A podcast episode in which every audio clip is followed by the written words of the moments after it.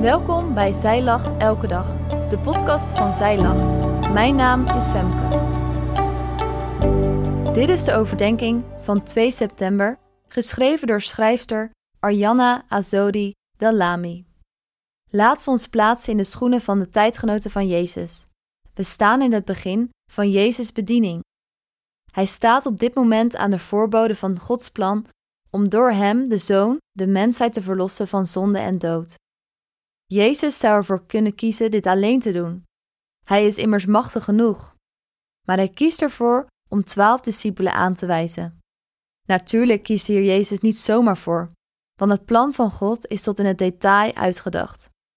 Deze discipelen zullen vissers worden van de mensheid, en zo zal het evangelie zich als een olievlek verspreiden over de hele wereld, tot het uiterste einde der aarde. Marcus 1, vers 16 tot 45 is het volledige Bijbelgedeelte voor deze overdenking. Simon, Andreas, Jacobus en Johannes lieten direct alles vallen toen Jezus tegen hen zei: Kom en volg mij. Hoeveel vertrouwen moeten zij hebben gehad in Hem? Jezus vraagt niet een klein beetje van deze mannen, nee, hij vraagt alles. Hij vraagt niet: Heb je één dag per week de tijd om mij te volgen? Nee, hij vraagt om volledige toewijding en navolging. Hij vraagt de discipelen om alles wat zij kennen en hebben achter hen te laten, om Jezus te volgen. Jezus vraagt het in zekere zin ook van ons. Wat als Hij op dit moment voor jou zou staan en diezelfde vraag aan jou zou stellen? Kom en volg mij. Ben je bereid om alles achter je te laten? Als het antwoord ja is, hoe zou jij dat op de dag van vandaag dan kunnen toepassen?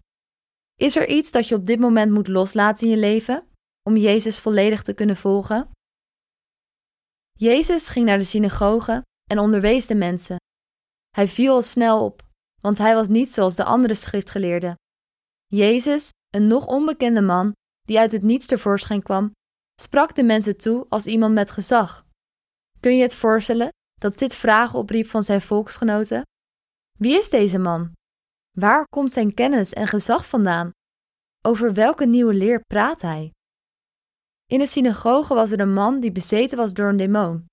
Deze man schreeuwde: Wat hebben wij met jou te maken, Jezus van Nazareth? Ben je gekomen om ons te vernietigen? Ik weet wel wie je bent, de heilige van God. De demonen wisten wie Jezus was en dat hij hier was om de grootste strijd ooit te strijden. Zonder hierop te reageren, sprak Jezus streng en met autoriteit. En hij zei: Zwijg en ga weg uit hem. En de demon vertrok uit de man, gepaard met sluiptrekkingen en luid geschreeuw. Laten we even stilstaan bij dit moment en er ons een voorstelling van maken. Hoe indrukwekkend moet dit geweest zijn? Mensen moeten zich hebben verwonderd, verbijsterd, nieuwsgierig zijn geworden. Het moet allerlei vragen hebben opgeroepen. De mensen zeiden dan ook tegen elkaar: Wat is dit allemaal? Een nieuwe leer met een groot gezag. Jezus, de Zoon van God, Hij, onze Verlosser, Jezus die God is en mens is geworden om ons, de mensheid te verlossen van onze zonde en de dood. Zijn leer wordt gebracht en heel Israël wordt door elkaar geschud. Jezus had geen wapens nodig. Zijn aanwezigheid was genoeg. Hij hoefde geen respect of autoriteit af te dwingen. Zijn aanwezigheid zorgde hiervoor. Door Jezus heeft God zich geopenbaard.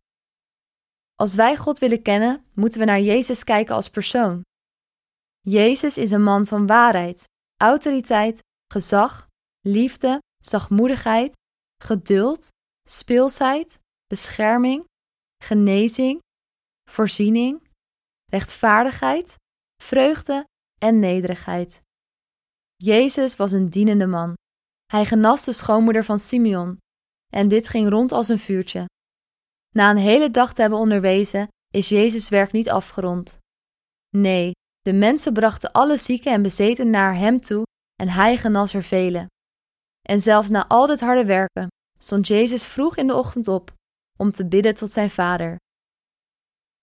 Als Jezus in zijn drukke bediening, waarin mensen continu zijn aandacht vragen, nog de tijd en ruimte neemt om tot zijn Vader te bidden, hoeveel meer hebben wij dan gebed nodig? Laten we een voorbeeld aan Jezus nemen. En ondanks onze bezigheden op een dag, hoeveel het er ook zijn, niet vergeten om te bidden tot onze Vader. Sterker nog, juist in die drukte, wanneer het amper meer op onze eigen kracht lukt.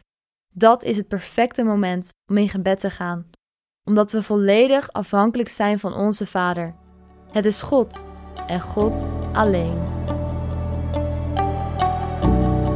Dankjewel dat jij hebt geluisterd naar de overdenking van vandaag. Wil je de overdenking nalezen? Check dan onze website. Je vindt er ook meer toffe dingen die jou helpen om de Bijbel vaker te openen, zoals boeken, Bijbels, cursussen en evenementen. Morgen ben ik weer bij je terug met een nieuwe overdenking. Tot dan!